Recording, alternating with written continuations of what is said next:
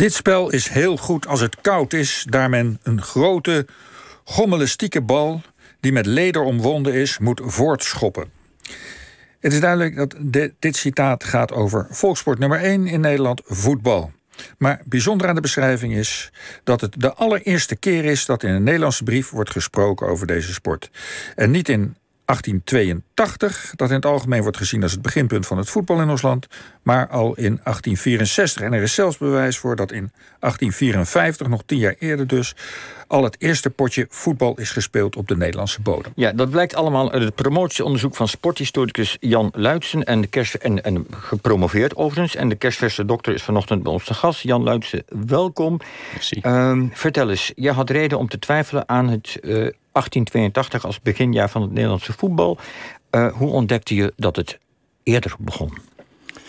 Of nou, toen ik een uh, jaar of uh, vier, vijf geleden op zoek was naar een onderwerp voor mijn promotieonderzoek. Toen was me vooral ook opgevallen dat de, de insteek van de sportgeschiedenis tot dan toe vooral was vormgegeven langs de lijnen van de sociologie.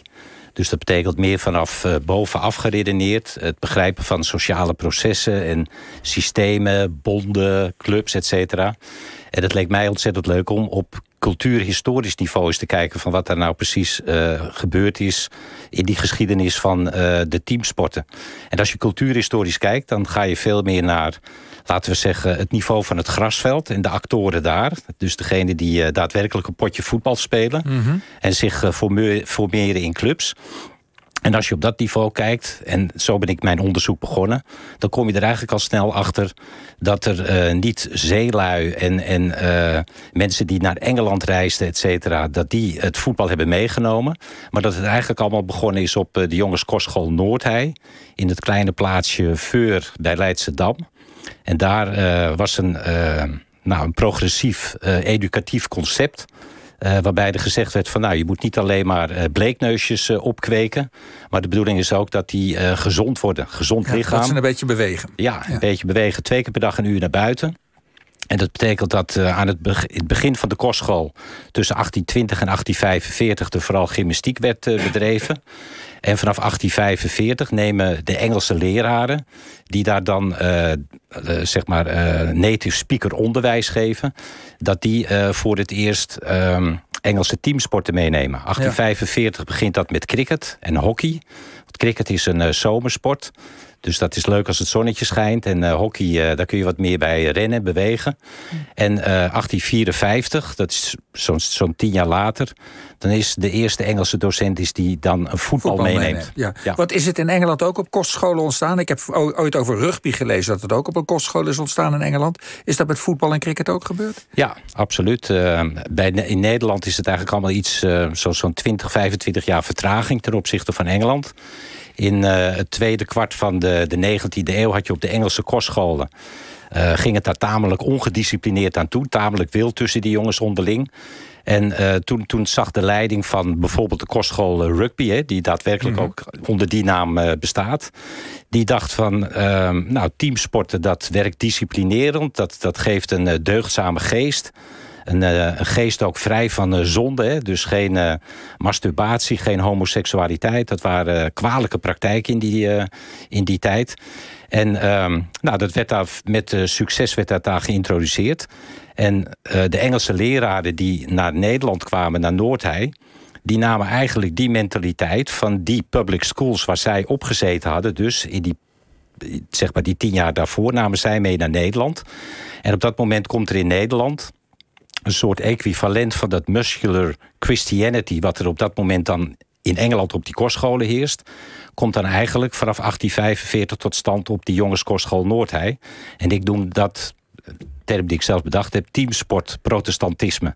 Want het was een protestants-christelijke kostschool.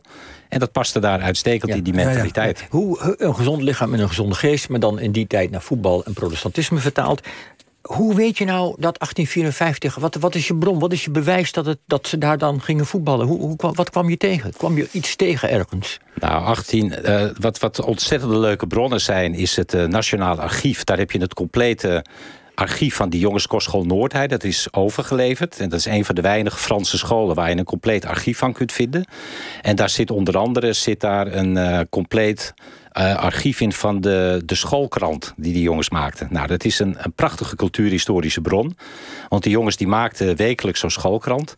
En die schreven daar precies in wat ze leuk vonden. Een wedstrijdverslagen en zo. Wedstrijd, wedstrijdverslagen. Ja, wedstrijdverslagjes. De eerste wedstrijdverslagjes staan eigenlijk in die schoolkrant.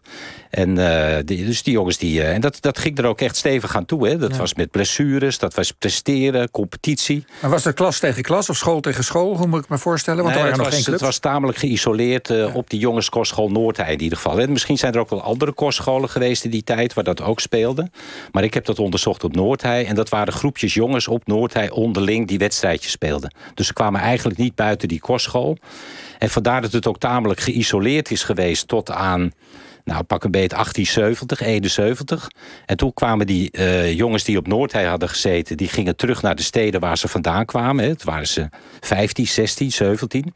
Goed getraind in feite, dus gewoon uh, in vorm. En ze wilden dat eigenlijk ook in die steden doen... Uh, waar ze naar terugkwamen. Want dan moesten ze nog een gymnasium afmaken... of een, of een HBS, of in ieder geval een middelbare school. Mm -hmm. Maar er was daar niks. Dus die jongens die dachten van, nou ja, uh, we willen wel cricketen, we willen voetbal en we willen hockeyen. Dus we beginnen zelf gewoon zo'n uh, clubje. En dat waren allemaal elitaire jongeren. Dus ze hadden ook invloed. En dat kon ook. Ja, en wanneer wordt het dan een volkssport? Ja, dat is uh, vanaf 1880, 81 krijg je in de grote steden dat het uh, massaal wordt opgepikt op scholen. Ook door, mm -hmm. door, nou, zeg maar door de. Uh, onder aanvoering vaak van uh, Noordhei-jongeren. Maar die, die krijgen hun mede-klasgenoten op scholen... krijgen ze erg enthousiast voor dat cricket en dat voetbal. En dan uh, hand in hand met het anglicisme... of nee, het anglicisme met, met zeg maar de Anglo anglofilie... die er dan door Nederland heen waart... wordt het enorm populair. De jongens die zien het als een, een soort rebellie tegen de ouders. een gevoel van vrijheid geeft het ze. En dan zie je tussen 1880 en 18... 84, 85 dat cricket de volkssport van Nederland is. Dat weet eigenlijk niemand, maar dat was echt zo. En vanaf 1884, 85 komt er in die grote steden ook voetbal komt dat erbij.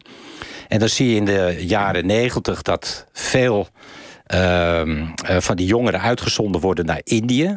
En dat is een aderlating zowel voor het cricket als het voetbal. Maar vanaf de jaren negentig heeft het voetbal ook vooral veel volksjongens erbij gekregen. En vandaar dat voetbal groter kon worden en cricket relatief klein bleef. Goed. Jan Luitsen, bedankt uh, voor deze toelichting. Het voetbal heeft dus een andere geboorteplek dan we tot nu toe dachten. Het valt terug te lezen in het boek Vivat, Vivat, Noordzee, uitgegeven door Sportliteratuur Uitgeverij.